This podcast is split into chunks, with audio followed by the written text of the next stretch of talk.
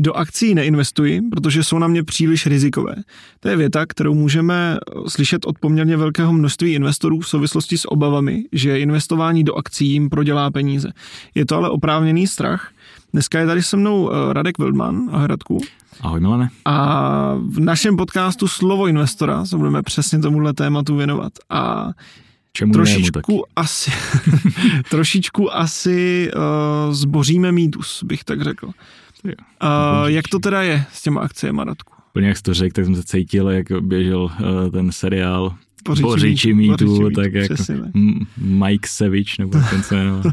To jsme my, jenom nemáme, nemáme takový kníry a, a jsme trošku v jiném, v jiném tématu. to tak, tak jak, to... to je, jak to je s těma akcemi? Jsou teda Akcie. opravdu takhle rizikový, nebo ne? Tak eh, ať dáme nějaký disclaimer na začátku, hmm. tak eh, určitě to nemá vyznít dneska, to naše povídání, že akcie jsou bezrizikové a že by do toho všichni měli investovat a, um, a tak dále. Jo. Je to určitě instrument, který rizikový je, a nebo řadí se mezi ty rizikovější uh, typy aktiv. Důležité ale je, jak je rizikový. A o tom se vlastně dneska budeme bavit a v tom je trochu ten mýtus uh, za mě, že vlastně uh, lidi si špatně porovnávají ta rizika nebo tím rizikem uh, to nebo to, jak oni označují ta, ty akcie za rizikové, tak tím myslí jako jiné riziko, než se v těch akcích může skýtat. Uh-huh. Uh-huh. A ještě se zeptám na jednu věc, v čem jsou ty akcie vlastně, proč jsou akcie obecně jako rizikovější, hmm. rizikovější instrument? Protože řekněme dynamičtěji nebo víc to svý slovíčko je volatilita, jo? takže víc hmm. volatilně, víc prostě víc reagují na pohyby nebo na těch trzích. To znamená, víc rostou, ale víc také klesají. A v to je vlastně to, proč se řadí mezi ty, ta rizikovější aktiva, protože když je krize, no tak vám prostě akcie může odepsat klidně, nebo akcie. Celý akciový trh, takhle, ať zůstaneme, tak celý akciový trh klidně může odepsat 30%. Což se vám u uh, termínovaného vkladu nestane, že jo? Termínovaný vklad bude pravděpodobně na tom stejném čísle nominálně, ne, nepočítám teďka inflaci. Takže ten je zas málo rizikový, z pohledu téhle z té metriky. Mm-hmm. To je ten důvod. Uh, už jsme se tady v jednom, v jednom z podcastů bavili, že způsob, jak trošičku ne eliminovat, ale snížit to riziko, je správně, správně to řídit, ty mhm. investice mm-hmm. do těch akcí. Jak se tohle to dá dělat? Nebo je, mm-hmm. to, je to to, proč se tady o tom dneska bavíme? Že v podstatě jo, přesně tak, protože um, ten, uh, těch rizik, to, to, co jsme tady popsali, to, že ty akcie umí propadnout takhle velmi v té krizi, tak je, je takzvané tržní riziko. To je v podstatě riziko toho, že já dneska kupuji, koupím, zainvestuji do té akcie za nějakou tržní cenu. A ta mhm. tržní cena se vyvíjí. Vlastně tržní riziko je pozitivní, negativní. Pozitivní je to, co my od toho chceme, od té investice, to je ten mhm. růst. To znamená, pozitivní riziko je v tom, že ta akcie roste na hodnotě, nebo ten akciový koš. A to negativní riziko, to tržní, znamená, že bude pokles té ceny, té tržní ceny. Že já to vlastně dneska koupím za X a zítra prodám za X minus něco. Prodám to za menší cenovku, než jsem to koupil dneska.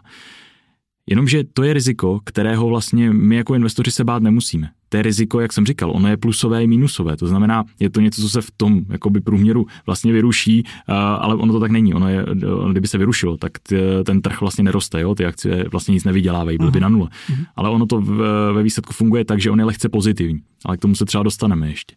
To ale, čeho se lidi bojí, tak e, je vlastně, že přijdou o ty peníze. Ale to není tržní riziko, to je takzvané kreditní riziko.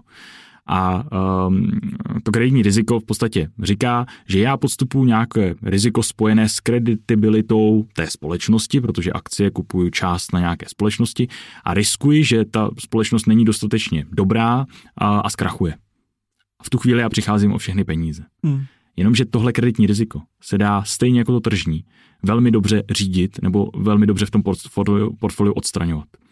A právě třeba to je něco, co vlastně z těch akcí pak v konečném důsledku nedělá až tak uh, rizikový nástroj, protože to kreditní riziko, kterého se všichni bojí, to, že přijdu o ty peníze, já jsem schopen eliminovat velmi jednoduše a to je diverzifikace. Hmm.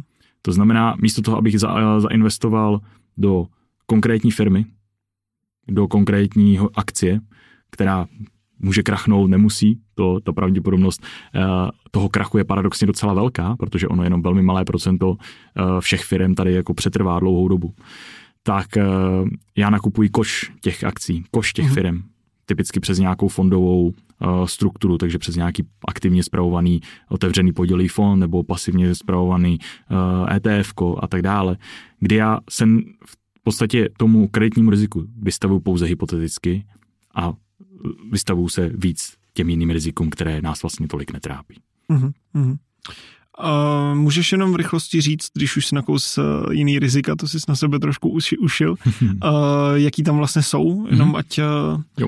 Tak o tom, co se asi dneska nebo hodně porovnáváme, je to kreditní a to tržní, takže mm-hmm. uh, to jsou tyhle dvě. Pak určitě existuje nějaké měnové riziko, to znamená, když investuji jako korunový investor, jako Čech a chci mít výnos v korunách, tak ale můžu investovat do instrumentu, který e, není v korunách. To znamená, že já do nich neinvestuji v koruně, ty koruny nejdřív musím změnit třeba na eura nebo na dolary a potom teprve tato měna se investuje do toho instrumentu a teďka ten, ta koruna může vůči tomu, tomu dolaru nebo euru oslabit nebo posílit, to může vyvíjet, nějakým způsobem mít zase dopad pozitivní nebo negativní na ten můj, na to moje zhodnocení.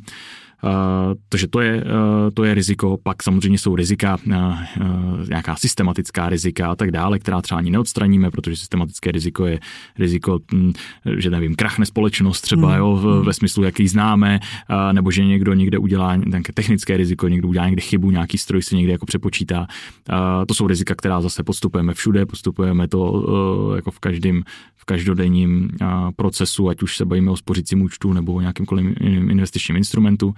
A, ale to jsou, řekněme, ta minoritní, ta, ta, ta minoritní rizika, není to to, čeho by se vlastně lidi báli. Mm. Ty lidi se paradoxně jako bojí něčeho, co se ve většině v těch investicích jako dá odstranit. Mm-hmm. Zeptám se trošičku, trošičku asi hypoteticky. Když budu investovat do nějakého podílového fondu, mm ta pravděpodobnost tam je, ale co by se muselo opravdu stát, abych tam přišel o ty peníze, když řeknu jako Teď, eh, teď se vyloženě ptám za tu část populace, eh, kteří jsou nejvíc pesimističtí v tom smyslu, že no. když dám peníze, když dám eh, za 10 let 500 tisíc do akcí, tak se mně může stát, že se něco stane a budu mít nulu, nebo, jo, jo, jo. nebo to. Co by tak, se muselo stát, aby se to Jasně, stalo? já určitě jako odstraním nejdřív takové to, že někdo s tím uteče a někdo to vytunuluje. Jo? To hmm. neexistuje dneska. Dneska hmm. prostě pokud budeme se bavit o regulovaném nějakém fondu, ať už aktivně zpravovaném, pasivně zpravovaném, který je pod tou největší úrovní té regulace, to znamená, je to retailový fond, tak e, nemá právní subjektivitu. To znamená, hmm. neexistuje, že by tam byla nějaká entita, nějaký CEO, nějakého SRO, do kterého bych jako já takhle dával peníze a ten by si pak řekl, chci mít dlouhou dovolenou v Mexiku, protože Mexiko nevydává a odjel by do Mexika, jo, s těma penězma. Tohle to se jako uh, ne, nestane podstatě ty vaše peníze ani jako nejdou přes um, uh, jako prsty těch lidí, kteří se třeba o ty peníze na, na úrovni toho fondu starají. Vlastně ty, ty peníze jdou přes nějaký depozitář, což je většinou nějaká banka, takže bankovní instituce má vlastně dohled nad uh, tím, co se děje s těmi penězi, zároveň je tam nějaká ta centrální banka nebo nějaký regulátor uh, na úrovni státu. Dále v podstatě um, kdyby náhodou třeba ten fond chtěl dělat něco, co nemá napsáno v takzvaném statutu, no tak mu mhm. dají přes prsty, to taky nemůže dělat, to nemá úplnou volnost co může dělat s těmi vašimi penězi, jako že by je zainvestoval prostě, uh, nevím, do uh, nemovitostí na Kanárech, kam by si pak jezdil jako holidayovat, to taky ne, neexistuje, jo? takže v podstatě tohle bych jako odstranil, aby jsme si to jako byli na stejný koleji, že tohle dneska neexistuje. Dřív to šlo, mm-hmm. dneska to jde v nějakých alternativních instrumentech, ale v těch standardních to nejde. A, no a co by se muselo stát, abych teda o ty peníze přišel? No muselo by se stát, že veškeré ty instrumenty v tom koláči, takže když se budeme bavit o nějakém světovém akciovém indexu, by skončily na nule. No a když se zamyslíme nad tím, jak funguje uh, firma, vezmu to z tady toho konce, která vydává pak ty akcie v konečném mhm. důsledku, mm. ale teďka, když se zamyslíme, čím funguje ta firma, tak ta firma vždycky má nějaký produkt a ten produkt prodává nám, lidem. No a my ten produkt kupujeme. My jako spotřebitelé máme nějakou spotřebu, nějaké služby nebo nějakého zboží na základě našich potřeb. Třeba potřebujeme jíst, takže kupujeme jídlo, potřebujeme se šatit, kupujeme oblečení, potřebujeme být, nevím, eh, techn- pracovat s technologiemi, takže si kupujeme eh, počítače, notebooky, software a tak dále. Potřebujeme, eh, nevím co, aby jsme nebyli, nechodili jak neandertálci, tak se asi potřebujeme jednou za čas ostříhat, takže platíme za nějakou službu. Hmm. No a tohle vlastně, to znamená, my platíme těm firmám které pro nás něco dělají, ať už produkt nebo nějakou službu, které v konečném důsledku vydají ty akcie, do kterých já jako ten investor můžu zainvestovat a podílet se vlastně na růstu téhle z té firmy. To znamená, aby ta akcie ztrácela na hodnotě z dlouhodobého hlediska, tak by se muselo stát, že ta v té firmě se z nějakého důvodu nebude dařit. To znamená, že nebude prodávat ty produkty nebo ty své služby tak, jak chtěla. Nebo jak hmm. by bylo super, aby ty akcionáři do ní investovali. No a pokud to takhle nebudou dělat, nebude dělat žádná firma, to znamená, žádná firma nebude mít dlouhodobě větší a větší zisky, a nebude e, přinášet e, tím pádem to zhodnocení těm akcionářům. No tak to znamená z toho druhého konce toho provazu, že ty lidi nekupují to zboží, nekupují ty produkty a tím pádem vlastně jako ze, z naší spotřební společnosti stává nějaká jiná společnost nespotřební, která nepotřebuje peníze k tomu, aby si kupala v oblečení a tak dále.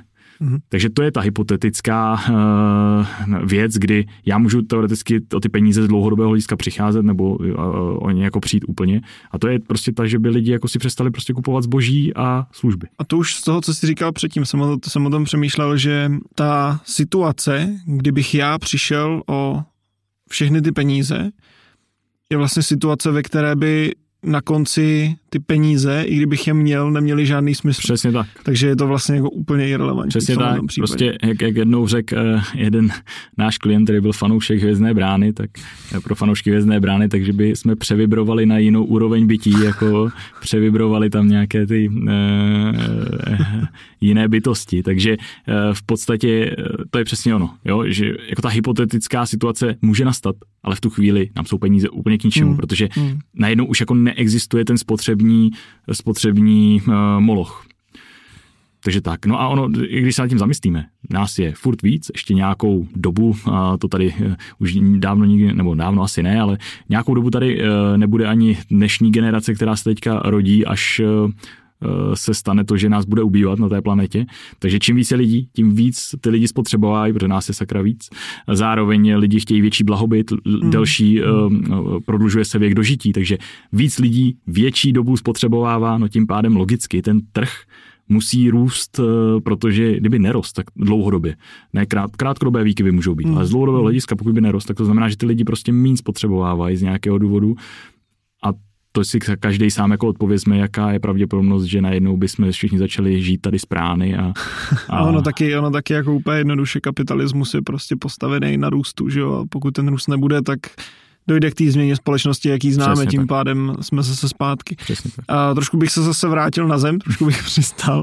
A to jsem mluvil o tom extrému, hmm. ale teďka, když ještě vezmu uh, takovou tu běžnější situaci a to je to, že přijdu v uvozovkách o část peněz. Mm-hmm. Bavím se o tom, že investuju a samozřejmě, jak říkáš, ty akcie jsou volatilní, takže najednou eh, jsem zainvestoval za pár let 300 tisíc, ale teď vidím, že to má hodnotu 270.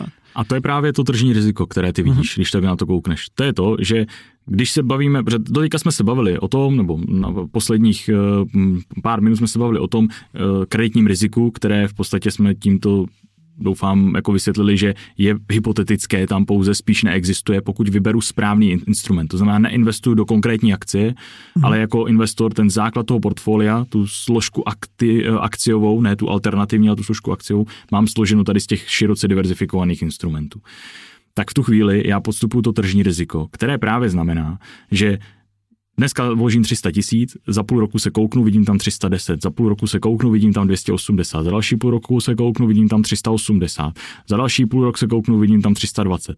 V podstatě Uh, vidím nějakou takovouhle, uh, uh, řekněme, nějakou sinusovku, takovou uh, neúplně pravidelnou, která zase použiju divný slovíčko, konverguje spíš jako k nějakému jako růstu, kdybych hmm. tím proložil nějakou, nějakou uh, uh, přímku, která bude nějakým průměrem těch, těch uh, hodnot.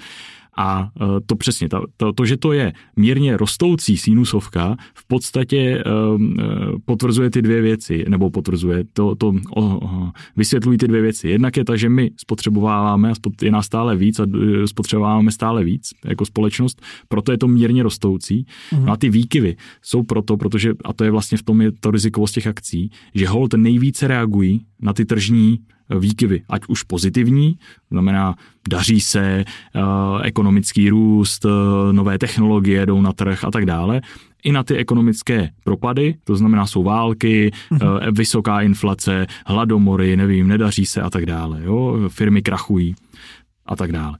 A v podstatě tohle tržní riziko se dá velmi jednoduše řídit. Čím? Investičním horizontem. To znamená, čím je vlastně rizikovější instrument, tak tím já delší dobu musím mít nebo musím mít větší ten, delší ten časový horizont, mm-hmm. abych si mohl dovolit takzvaně přečkat tohle období. Proto ty akcie jsou považovány za nejrizikovější, protože potřebují nejdelší časový horizont z těch tri- standardních typů aktiv, jako jsou právě třeba dluhopisy nebo nějaké peněž, eh, fondy třeba peněžního trhu a tak dále, kdy potřebuji zase kratší čas. A um, v podstatě tahle situace, ten propad té hodnoty, může trvat někdy rok na těch akcích, někdy pět let, někdy deset, něco takového. Nikdy se zatím nestalo v historii, že by uh, ty akcie víc jak 15 let byly v mhm. propadu. Znamená je, že když jsem před 15 lety prostě koupil, tak dneska z historického pohledu by byl vždycky jako v plusu. Ale ono vlastně v, o tomhle tom to není. Je to jen spíš jenom o té myšlence, že já musím počkat, aby tahle složka uh, měla od, nebo co nejméně, uh, nebo co nejvíce minimalizovanou tu, uh, to tržní riziko. Uh-huh. Musím mít co největší ten uh, horizont investiční. Mně se líbí, že se vlastně už po několikáté vracíme k tomu, že probíráme instrument a na konci můžeme říct, že ten instrument je v podstatě poměrně bezpečný, když dodržíme dostatečný horizont, dostatečnou diversifikaci, tak... Eh, A ono to tak ale má být, že? Hmm. protože jsou nějaké principy toho investování, které mm, sice my jsme třeba na začátku popisovali, ale eh, tady si to ukazujeme vlastně v tom konkrétním případě a vracíme se k tomu uh, základu, ze kterého to vychází. A možná já ještě tam dám jako tomu jednu botu a proč jsme to tady nazvali ten mýtus, protože hmm. za mě akcie jsou z toho dlouhodobého hlediska vlastně ten nejspolehlivější nástroj k ochraně majetku před inflací. Znamená je, že když se nad tím člověk hodně zamyslí uh, a přemyslí to až trochu, tak jsou vlastně tím nejbezpečnějším instrumentem. Protože pokud se koukneme zase pohledem do toho zpětného zrcátka, tak čím více my jsme šli do té konzervativní složky, dluhopisy, peněžní trh, peněžní trh jsou ty spořící účty, termínované hmm. vklady a tak dále, no tak tím vzvi, se zvyšovala pravděpodobnost, že v reálné hodnotě, to znamená, když započítám tu inflaci, já jako ten investor jsem přišel o tu kupní sílu. Že jsem vlastně neochránil ten svůj majetek. Když to, když se koukneme na akcie, tak akcie v podstatě byly tím nejspolehlivějším historicky aktivem, ne zlato, akcie hmm. byly tím nejspolehlivějším aktivem, které v podstatě tu, eh, tu inflaci bylo schopno jako dlouhodobě porážet. A zase vychází to z principu toho, jak jsme se bavili o tom, že akcie jsou nějaký podíly na firmách, pokud se nám bude zdražovat, to znamená, bude inflace, bude se nám zdražovat mlíko, eh, jak teďka jsme viděli, že jo, potraviny, eh, ropa a tak dále, no tak ty firmy, které vyrábějí to mlíko, vyrábějí chleba, vyrábějí tu ropu, no ropu nevyrábějí, ale vyrábějí ten benzín, jo, a tyhle ty věci, no tak vlastně jim se bude zvyšovat ten výdělek, protože oni zdražují mhm. ty, mhm. ty produkty. Jo? Tak v tu chvíli, když budou ty firmy růst, protože je inflace, no tak vlastně bude růst i to akciové portfolio. Takže jako z principu toho fungování z dlouhodobého hlediska vlastně ty akcie takhle musí fungovat, protože hmm. Hmm. je to jako, ty věci jsou v konečném důsledku spojené nádoby. Když si to člověk vezme takhle, takhle v tom celém eh, koloběhu, tak eh, to vlastně dává hrozný smysl. To si myslím, že je poměrně jako nejjednodušší způsob, jak si ten princip tohle toho no. uvědomit. No, no. To bylo super shrnutí. To možná i já začnu používat přesně, přesně tenhle příklad. Je ještě něco, co si myslíš, že by bylo důležité k tomuhle tématu říct?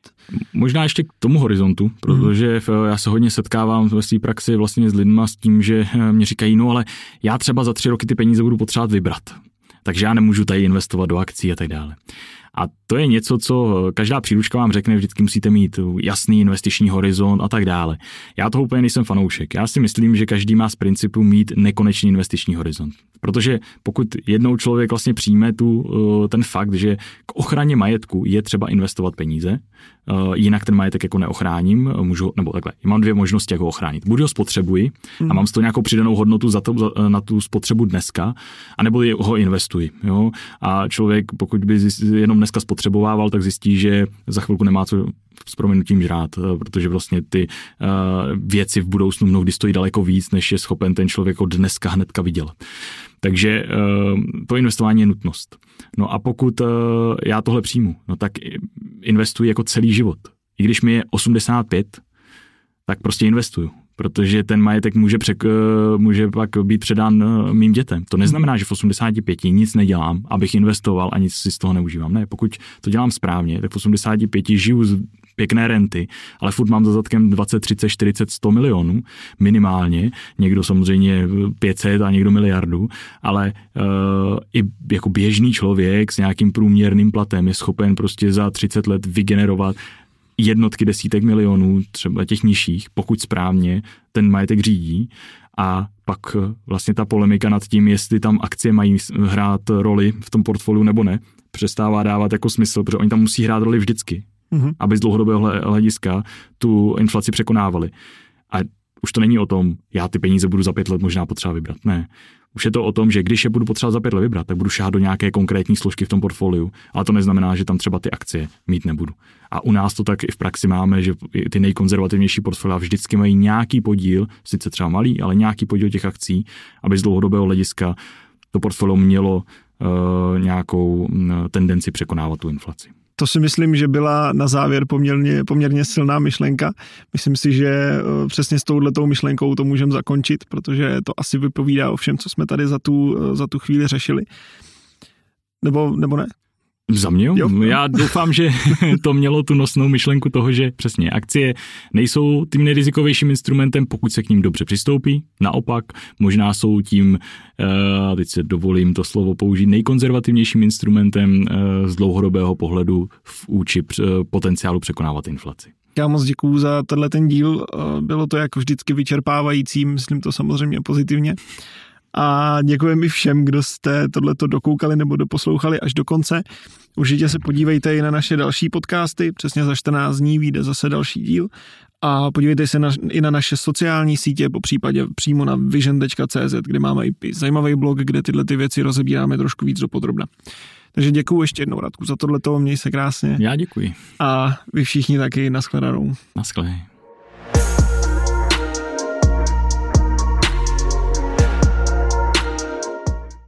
Investiční disclaimer. Vision Capital neposkytuje investiční služby ve smyslu zákona o podnikání na kapitálovém trhu. Pokud byste měli o investiční služby zájem, můžete využít oprávněného subjektu Wildman Silver Company. Podrobnější informace naleznete na našich webových stránkách nebo v popisku.